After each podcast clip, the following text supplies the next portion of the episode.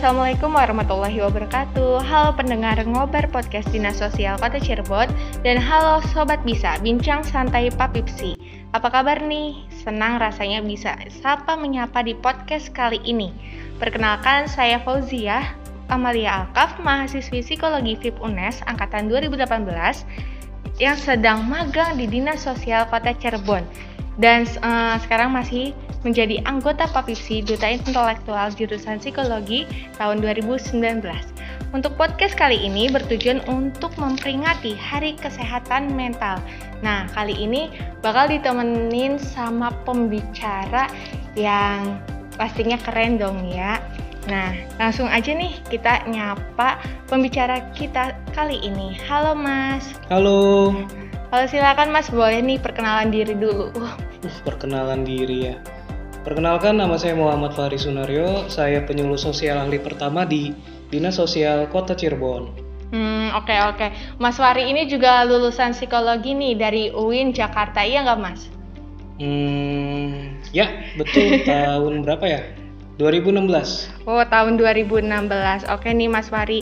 Langsung aja ya eh, ke pembahasan materi kali ini. Pasti para pendengar ini udah penasaran nih kita mau ngebahas apa tentunya di Hari Kesehatan Mental Dunia ini. Nah, untuk Mas Fahri ini aku mau nanya dulu nih awal-awalnya uh, apa sih yang Mas Fahri ketahui tentang kesehatan mental? Kesehatan mental kalau menurut definisi dari WHO sih ya, Kesehatan mental itu keadaan sejahtera di mana setiap individu bisa mewujudkan potensi mereka sendiri, yang artinya mereka dapat mengatasi tekanan kehidupan yang normal, dapat berfungsi secara produktif dan bermanfaat, serta mampu memberikan kontribusi kepada komunitas mereka. Hmm.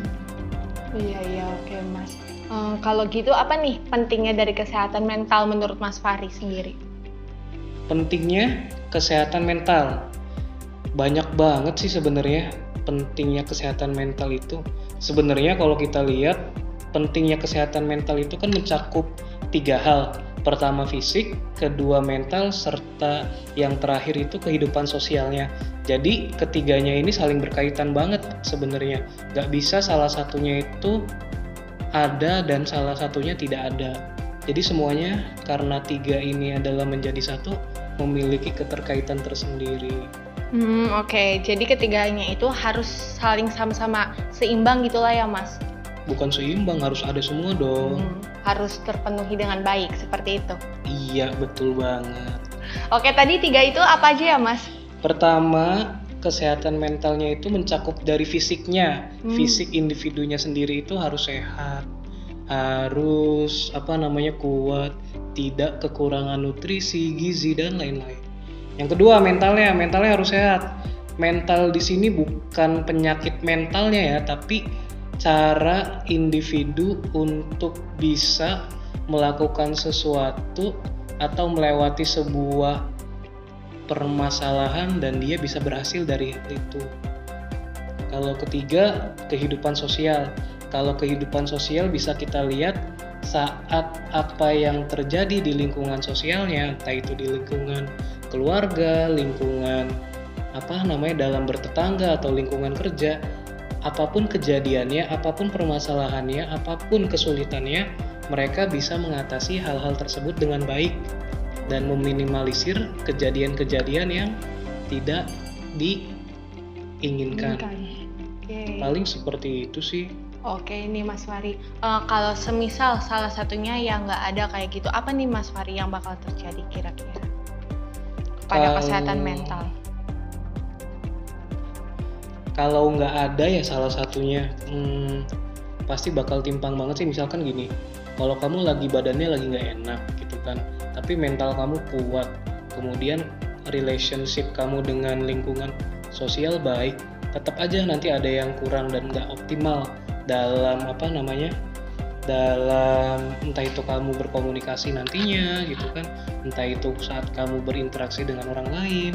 Hmm. intinya kalau ada yang apa ya kalau ada salah satu cakupan tadi yang tidak ada ya tetap aja bikin kita tidak seimbang Hmm, oke Mas Fari. Nah, sekarang ini nih ya Mas Fari, banyak banget nih uh, individu yang kadang merasa dirinya kurang ini itulah, padahal udah punya pencap suatu pencapaian, tapi selalu membandingkan dirinya itu uh, dengan orang lain gitu dan merasa dirinya ah aku mah nggak bisa apa-apa, aku mah cuman kayak gini dan sebagainya.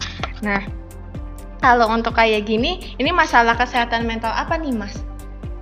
Oh, kalau itu sebenarnya lebih ke insecure ya. Kalau bahasa anak sekarang. Jadi insecure itu keadaan di mana seseorang yang merasa tidak aman, menganggap dunia sebatas sebagai hutan yang mengancam atau lingkungan yang mengancam kebanyakan manusia yang berbahaya dan egois. Intinya, insecure itu keadaan atau perasaan apa ya seseorang merasa tidak aman, nggak nyaman dan itu bisa terjadi dalam diri manusia atau individu di saat kamu lagi ngerasa malu, lagi ngerasa bersalah, kekurangan sesuatu, bahkan sampai rasa tidak mampu akan melakukan suatu hal. Intinya kamu pesimis banget gitu kan untuk melakukan hal itu kayaknya, eh kayaknya nggak bisa deh gitu kan, nggak tahu kenapa gitu. Hmm, oke okay, oke. Okay. Berarti insecure ini uh, bisa menimbulkan perasaan-perasaan yang bisa dikatakan ya uh, emosi negatif ya kayak tadi rasa malu, bersalah kayak gitu ya, Mas. Betul banget. Hmm. Uh, untuk karakteristik dari individu yang merasa insecure sendiri itu bagaimana ya, Mas? Ih, banyak banget tuh karakteristik individu yang insecure. Pertama nih ya, yang paling kelihatan individunya itu tidak ingin keluar dari zona nyaman. Yang dimaksud nggak mau keluar dari zona nyaman ini, hmm, banyak orang yang nggak pengen keluar dari zona nyaman biasanya diakibatin gara-gara pengalaman di masa lalunya itu. Jadi hmm. kayak modelnya dikecewain, dihianatin, perasaan atau perasaan-perasaan buruk yang dia alamin sebelumnya atau dari berbagai macam ketakutan secara nggak langsung menganggap apa ya menghambat orang itu buat bisa berkembang lebih baik lagi. Intinya banyak banget yang dialamin oleh individu itu tentang hal-hal yang tidak menyenangkan di masa lalu dan itu berdampak pada dia untuk tidak ingin keluar dari zona nyaman kayaknya ngerasain perasaan yang kemarin tuh sakit banget gitu kan mm, iya, Apal iya. apalagi pengen mulai lagi ah mending nggak usah deh gitu kan masih ke bawah ke bawah gitu ya sama yang lalu. Belum Yo, belum move on gitu. gitu lah ya bisa dibilang. Iya, betul oke okay, terus apa lagi tuh mas? Apalagi? Hmm, yang kedua kayaknya seneng ngebandingin dirinya sama orang lain gitu. Jadi perlu kita ingat gitu kan setiap orang tuh kan punya waktunya masing-masing ya kalau kata Sahrukan itu Aduh, duh, Sahrukan dong. Iya dong, setiap orang tuh punya waktunya tersendiri gitu kan. Setiap cinta memiliki waktu dan waktu itu bukan kita yang menentukan balik lagi setiap orang tuh punya waktunya buat sukses buat mm -hmm. menikah buat punya anak dan punya pencapaian sesuatu dan kita nggak pernah tahu misalkan nih uh, kamu kamu itu punya waktu kesuksesan itu lebih cepat dibanding saya tapi mungkin di sisi yang lain percintaan saya lebih bagus gitu kan lebih sukses ketimbang percintaannya kamu aduh, aduh ya. atau ya. atau nih ya misalkan kamu udah nikah saya udah nikah mm -hmm. kamu sudah diberi keturunan saya belum gitu kan itu adalah salah satu kesuksesan yang tidak bisa kita bandingin sama orang lain karena setiap orang punya waktunya sendiri-sendiri dong iya. untuk bisa apa ya sukses di bidangnya masing-masing. Hmm. Jadi nggak perlu banget gitu kan saat kita ngebandingin kesuksesan kita dengan orang lain. Malah kalau misalkan kita sering banding-bandingin kayak gitu, kita jatuhnya akan lebih insecure yang bener-bener apa ya keinget banget deh tentang hal itu.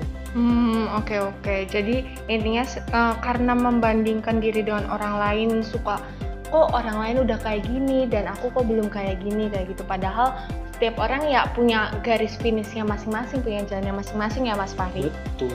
Oke nih, untuk yang selanjutnya apalagi nih Mas Fahri karakteristiknya? Hmm, yang ketiga kayaknya bukan kayaknya sih ya lebih tepatnya itu memandang rendah diri sendiri jadi banyak banget ya kasusnya individu cenderung bakal minder terhadap dirinya sehingga dia perlu untuk dapetin pujian atau pengakuan dari orang lain contohnya mungkin kita apa ya yang paling relate sama kehidupan kita sekarang itu Iya.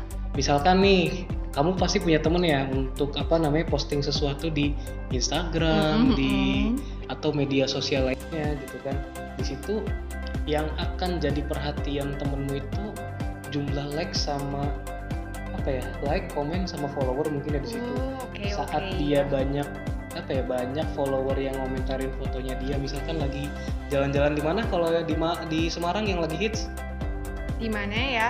Hmm, lagi nggak di Semarang nih soalnya.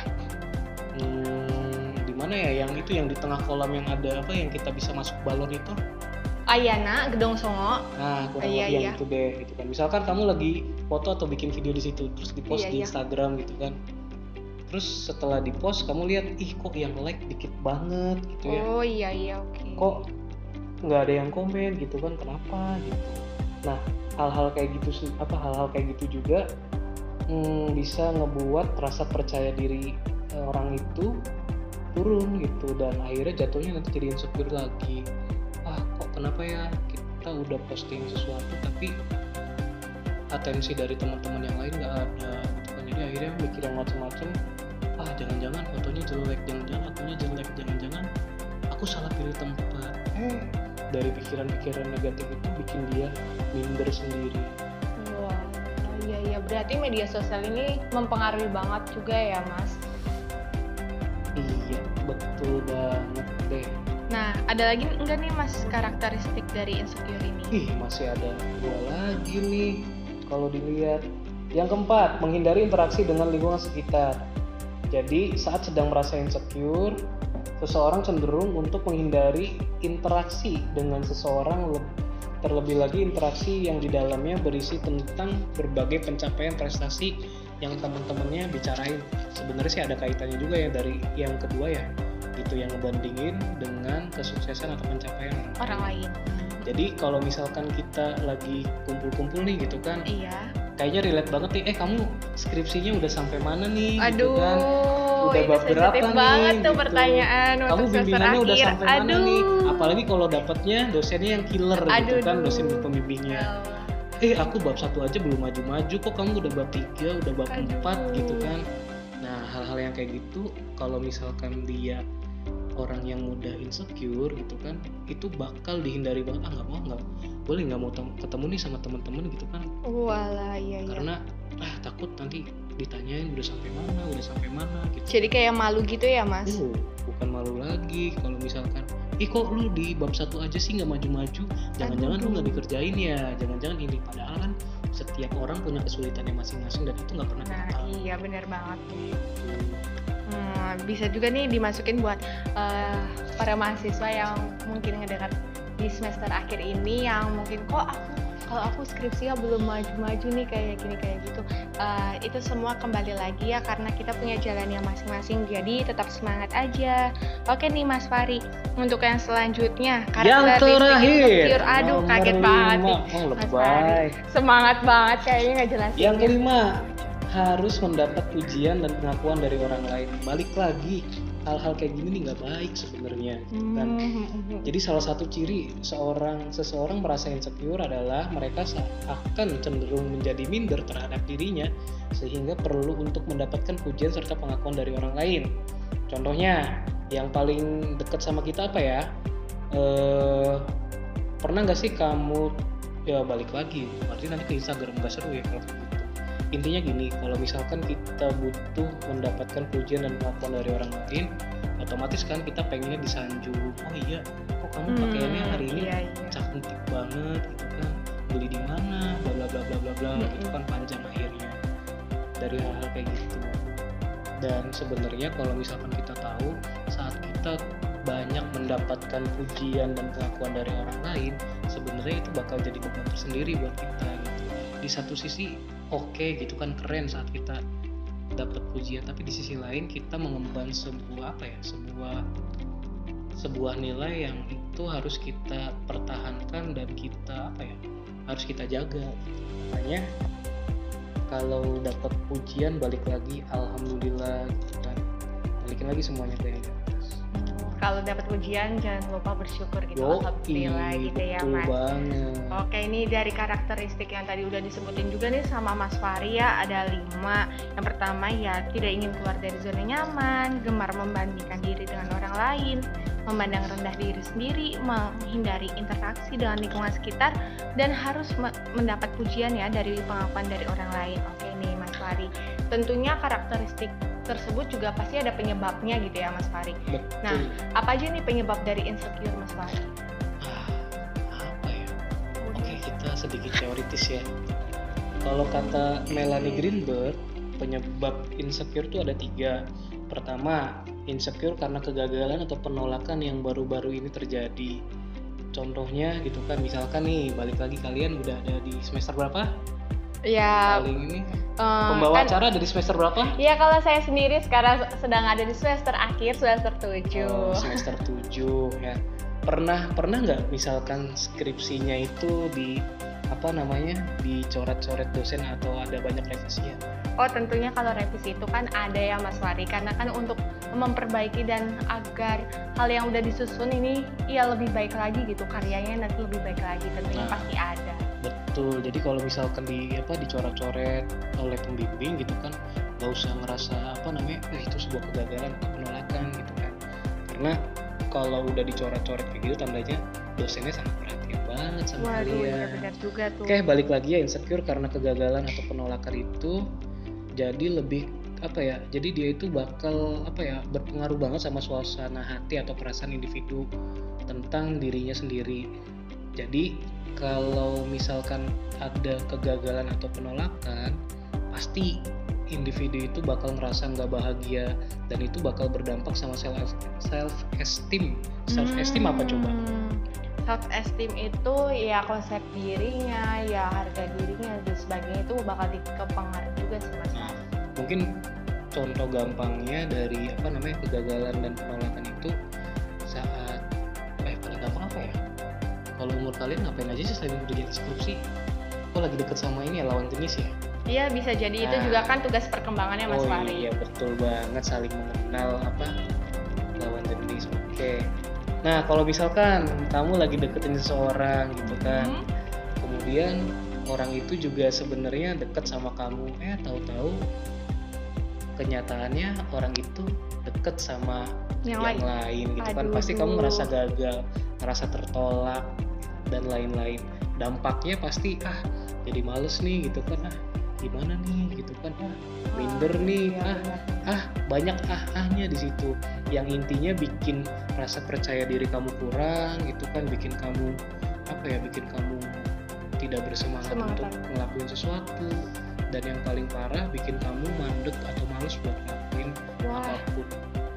Hmm, jadi berhenti untuk berkembang ya kalau kayak gitu ya bahaya juga. yoi Nah yang selanjutnya apalagi nih Mas Fahri? yang kedua insecure karena mengalami kecemasan sosial jadi rasa takutnya itu karena dia takut untuk dievaluasi atau diberikan kritik dari seseorang. Jadi saat apa namanya insecure ini umumnya didasarkan pada kepercayaan yang menyimpang tentang harga diri mereka. Jadi saat kamu ngelakuin sesuatu di lingkungan kamu gitu kan, entah itu Mm-mm. di lingkungan keluarga, entah itu di lingkungan kerja, entah itu di lingkungan masyarakat gitu kan, kamu itu apa namanya cemas gitu, ih yang aku lakuin udah bener belum sih gitu kan, yang aku lakuin itu kira-kira sesuai nggak sih sama norma-norma atau adab-adab yang berlaku? Jadi kecemasannya karena takut orang lain nanti beranggapan buruk terhadap diri kita. Oke oke. Berarti eh, ada kekhawatiran dengan lingkungan sosial seperti itu ya, kritik-kritik lingkungan Betul. sosial. Nah yang selanjutnya ada lagi nggak nih Mas Fahri penyebab dari insecure? Yang paling akhir kalau kata Melanie Greenberg itu bilang insecure yang didorong oleh perfeksionisme. Nah, balik lagi ya segala sesuatu yang apa namanya?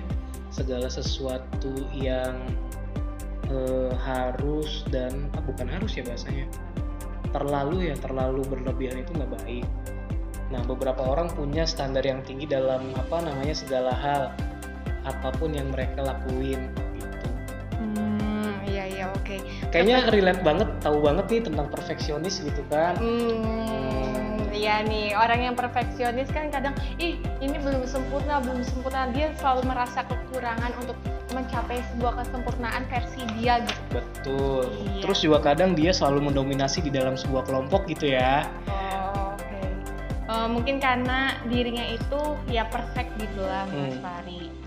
Jadi saat Standarnya dia. Hmm, cuman yang dikhawatirin saat dia apa namanya selalu bersikap seperti itu gitu kan takutnya gitu ap- apa ya hal-hal yang jadi tujuan dia yang udah dia bikin goalsnya satu-satu kalau itu nggak tercapai oh itu bakal kacau banget gitu kan buat dia kayaknya. Ah gimana nih gitu kan kok ini ada ada ada yang kurang nih gitu kan kok ini kurang begini kurang begini gitu kan. Dan kalau hal-hal itu muncul berarti kan bikin keadaan dia malah tidak lebih baik. Gitu. jadi penyebab insecure tadi ada tiga. Yang pertama Yang penyebab insecure yang pertama itu adanya kegagalan atau penolakan nih yang baru-baru yang baru Nah, terjadi yang atau kedua. terjadi pada lingkungannya. Yang kedua itu karena mengalami kecemasan sosial. Dan yang Hmm. ketiga itu insecure, insecure yang didorong karena perfeksionis. Nah, lanjut nih Mas Fahri. Untuk dampak dari insecure sendiri ini apa aja nih Mas? yang paling kelihatan sih sebenarnya dampak insecure itu ada tiga ya pertama terganggunya aktivitas pasti saat kita moodnya jelek terus apa kondisi badan nggak baik atau kondisi lingkungan sosial kurang baik pasti apa pun yang kita lakuin itu kan jadi nggak bener. Nah Hmm. yang kedua gam apa ya mudah menganggap diri kita itu tidak berharga. Padahal sebenarnya gitu kan hmm, kalau di psikologi mungkin dia kalian anak-anak psikologi pasti kenal gitu kan apa ya seseorang itu individu adalah makhluk yang unik gitu kan punya perbedaannya sendiri punya apa namanya potensi tersendiri. Jadi kalau misalkan kita ngerasa insecure pasti kita ngerasa kita tuh udah nggak punya potensi gitu kan. Kita nggak punya Hmm, hmm, kelebihan hmm, kita nggak punya apa ya kita nggak punya satu hal yang bisa kita banggain. Banggakan iya. Tuh, yang paling terakhir dampak insecure sendiri ada depresi. Jadi saat insecure-nya itu semakin tinggi gitu kan rasa cemasnya juga makin tinggi, maka apa ya? Dan kalau misalkan berlebihan itu bisa da- apa ya berdampak pada psikis kita. Kalau misalkan apa namanya kita overthinking dalam sesuatu, kita cemas entah itu kenapa apa pun gitu kan bikin apa bikin kita keringet dingin dan lain-lain gitu Mhm. dan itu bakal nggak baik banget nanti jatuhnya jadi depresi Oke, berarti dampak insecure ini ya tentunya sangat tidak baik lah ya Mas Fari. ya Karena nggak baik banget dong Mudah menganggap dirinya tidak berharga juga nih ya ampun. Padahal kan semua orang itu berharga ya Mas Fari. betul banget Dan bahkan bisa mengakibatkan depresi juga. Iya. Nah, eh, mungkin pendengar ngobar, ngobrol bareng podcast dari Dinas Sosial Kota Cirebon dan Sobat Bisa Bincang Santai Papipsi ini pengen tahu nih, kira-kira langkah untuk mereduksi insecure ini gimana nih Mas Fahri? Paling gampang bukan paling gampang ya yang paling kentara cara mereduksi insecure itu dengan self care Hmm, Nah. apa itu self care Mas Fahri? self care itu bukan produk minyak angin yang jelas Aduh. gitu kan yang ditempelin ya bukan ya bukan Aduh. dong Iya, self care iya. itu lebih ke kegiatan untuk menyeimbangkan hidup dengan memenuhi kebutuhan dalam mempertahankan kehidupan kesehatan kesejahteraan hidup dan yang dilakukan individu sendiri Hmm. self care itu jadi apa ya jadi hal yang penting buat kesehatan mental dan kesehatan secara secara keseluruhan tapi sayangnya kegiatan ini masih sering diabaikan jadi apa ya hmm, sebenarnya Hmm. self care sendiri itu sebenarnya dapat dikatakan tim apa ya Bagian dari self love kayak gitu kan Mas Fahri? betul Oke. jadi kita itu bisa apa ya diharapkan kita itu bisa menghargai diri kita sendiri gitu kan mencintai diri kita sendiri dan kita harus yakin sama kemampuan yang kita punya dalam diri kita Oke Mas Fahri, berarti nih untuk kita bisa mencapai self love juga salah satunya itu kita bisa harus melakukan juga nih self care kepada diri kita sendiri gitu ya Mas Fahri berarti ya. Oke Mas Fahri. Nah, betul eh, terus pentingnya self care ini tuh bagaimana nih Mas Fahri? pentingnya itu apa ya emang ada pentingnya Ya pasti dong ada. oh pasti ada penting, pentingnya ya, dong. gitu Apalagi untuk mencintai diri. betul jadi perawatan diri secara teratur itu dapat meningkatkan kesadaran diri kita gitu kan jadi diri kita itu tidak akan terpaku lagi untuk menjalani sesuatu yang sudah dinikmati tapi kita juga bisa berkembang dan mencoba hal baru jadi kita tuh apa ya saat kita bisa merawat diri kita sendiri kita itu bakal nemu satu hal yang baru di kehidupan kita apa pun halnya Hmm, oke oke Mas Fari. Eh, berarti penting banget juga ya self care ini untuk diri kita kayak gitu ya. Oke. Eh, nah Mas Fari, eh, dari self care sendiri ini terdiri dari apa aja nih Mas Fahri? Eh, kayak cakupan aspek-aspeknya. Nah cakupannya sendiri tuh ada beberapa ya. Yang paling kelihatan pertama fisik emosi relasi dan mungkin juga profesionali profesionalitas. Ada edukasi juga untuk beberapa orang. Atau ada kesejahteraan spiritual yang mencerminkan cara kita menjaga diri dari tingkat yang paling mendasar. Oh, Oke oke, jadi self care ini tuh kayak permulaan untuk kayak kita memperbaiki terkait fisik, emosi, relasi seperti itu ya Mas Fahri, bahkan Bet- sampai spiritual. Oke. Banget. Nah, untuk pengaplikasiannya sendiri kayak gimana nih Mas Fahri untuk kehidupan sehari-hari? Nah, cara mengaplikasikan self care ya dalam kehidupan sehari-hari. Iya, apalagi buat yang insecure nih Mas Fahri. Yoi, untuk apa ya? Untuk mereduksi insecure pertama ada yang namanya self talk. Self talk itu kaitannya dengan perasaan saya bisa nih gitu kan. Gimana caranya kita berbicara pada diri kita sendiri. Kita harus bisa apa ya? Kita harus bisa nanemin nilai-nilai positif kita tuh bisa kok ini untuk lakuin ini Hmm, berarti kita tuh penting nih ya untuk ngobrol sama diri kita sendiri gitu. Eh, mungkin tuh kayak aku bisa kok ngelakuin ini kayak gitu ngobrol sama diri sendiri itu penting ya. betul jadi kita itu sebelum kita nguatin orang lain kita harus nguatin diri kita sendiri Aduh. ayo kamu pasti bisa nak gitu Aduh quotes yang bagus nih sebelum kita menguatkan orang lain kita harus menguatkan diri kita sendiri. dulu betul ya. Aduh, banget sangat semangat lagi ngomongnya udah ngasih quotes begitu semangat lagi mungkin eh, para pendengar podcast ngobar dari dinas sosial ataupun sobat bisa bincang santai papipsi itu bisa banget tuh tadi quotesnya sebelum kita menguatkan orang lain ya kita harus menguatkan diri kita sendiri Yo, nah untuk pengaplikasian self care untuk yang selanjutnya apa nih mas Fahri? yang kedua kita bisa menanamkan untuk apa ya berpikir positif hmm, nah ada berpikir kaitannya ya sama self talk tadi berarti bisa Betul. Jadi selain kita ngobrol sama diri kita, kita juga harus menanamkan nilai-nilai positif gitu kan. Lagian kalau misalkan kita apa namanya banyak mikir yang negatif, Mm-mm. itu malah jatuhnya nanti akan bikin diri kita itu merasa oh kita nggak bisa dan lain-lain. Tapi ya sebaliknya kalau kita banyak berpikir positif, setidaknya kalau misalkan hal-hal yang kita pikirkan itu tidak sesuai dengan apa namanya ekspektasi kita, ya tidak akan terlalu jauh jatuhnya. Gitu. Oke Mas Fahri nih yang selanjutnya apalagi nih Mas Fahri? Yang selanjutnya hmm, cara untuk mere apa ya? Cara pengaplikasian self care itu eh, kita bisa bersosialisasi dengan orang lain atau di talk.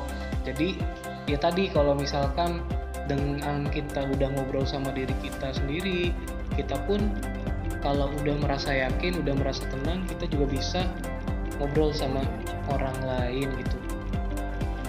Oke oke Mas Fahri. Nah eh, untuk yang selanjutnya, oh ntar dulu nih Mas Fahri tadi gratitude journal ya.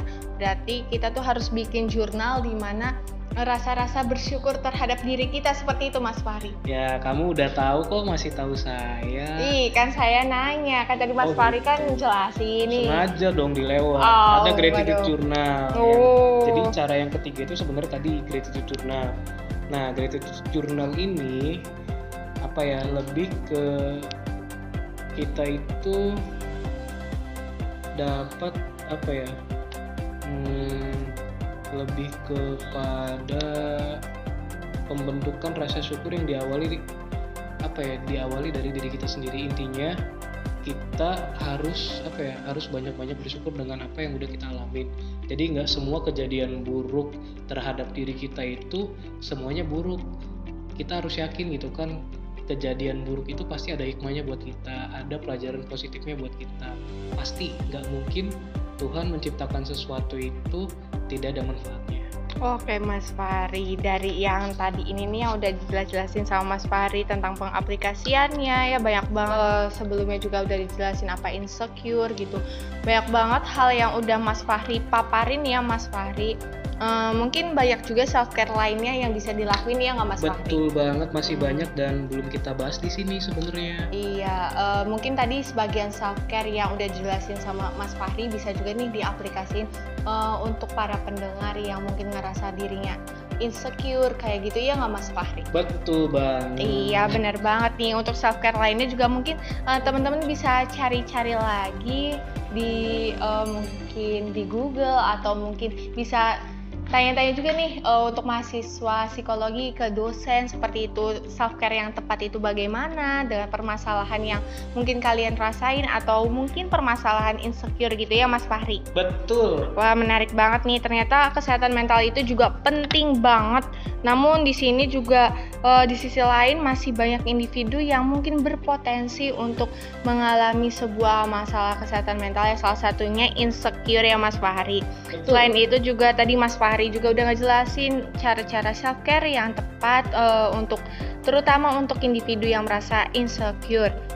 Oke, selain itu juga uh, di sini tadi tuh self care ini sebagai bagian dari self love ya Mas Fahri. Betul banget. Iya, biar kita bisa mencintai diri kita sendiri, kita bisa bersyukur sama diri kita sendiri, kita bisa menerima diri kita sendiri. Ya, salah satunya caranya adalah kita bisa self care yang kemudian nanti jadi self love ya Mas Fahri. Betul banget. Iya, aduh uh, Mas Fahri ini udah berbagi banget banyak informasi tentang kesehatan mental Uh, terutama ya ini ya di how to use uh, eh, self care stop being insecure gitu. Tentang self care dan insecure nih ya teman-teman Oke nih Mas Fahri, uh, semoga dari pemaparan Mas Fahri ini para pendengar gitu baik pendengar ngobar ngobrol bareng dari podcast di sosial Kota Cirebon ataupun sobat bisa bincang santai dari Papipsi ini bisa mendengarkan dan mendapatkan hikmah-hikmahnya, uh, ilmu-ilmunya nih dari Mas Fahri. Uh, sebelum kita akhiri, uh, kami mau mengatakan makasih banget nih Mas Wari Sama-sama. udah meluangkan waktunya dan udah maparin banyak hal nih untuk teman-teman kayak gitu. Semoga di lain kesempatan mungkin kita bisa bertemu lagi okay. atau mungkin di tema-tema lain sebagainya Mas Fari. Siap, ditunggu kehadirannya di sini ya. Oke, di sini tuh di mana nih? Dinas Sosial Kota Cirebon. Wah, iya tuh. E, bisa banget ya ke Dinas Sosial Kota Cirebon. E, Kota Cirebon mau ketemu Mas Fari itu boleh banget ya. boleh nggak Mas Fari? Boleh dong, masa nggak boleh? Aduh, aduh, oke nih. Terima kasih juga nih buat para pendengar podcast dari ngobrol ngobar, ma mohon maaf ya, ngobar ngobrol bareng podcast Dinas Sosial Kota Cirebon dan sobat bisa bincang santai Papipsi yang udah ngedengerin podcast kali ini sampai akhir. Uh, sampai jumpa di episode selanjutnya. Stay safe, eh, stay safe and stay healthy. Goodbye. Assalamualaikum warahmatullahi wabarakatuh. Waalaikumsalam warahmatullahi wabarakatuh.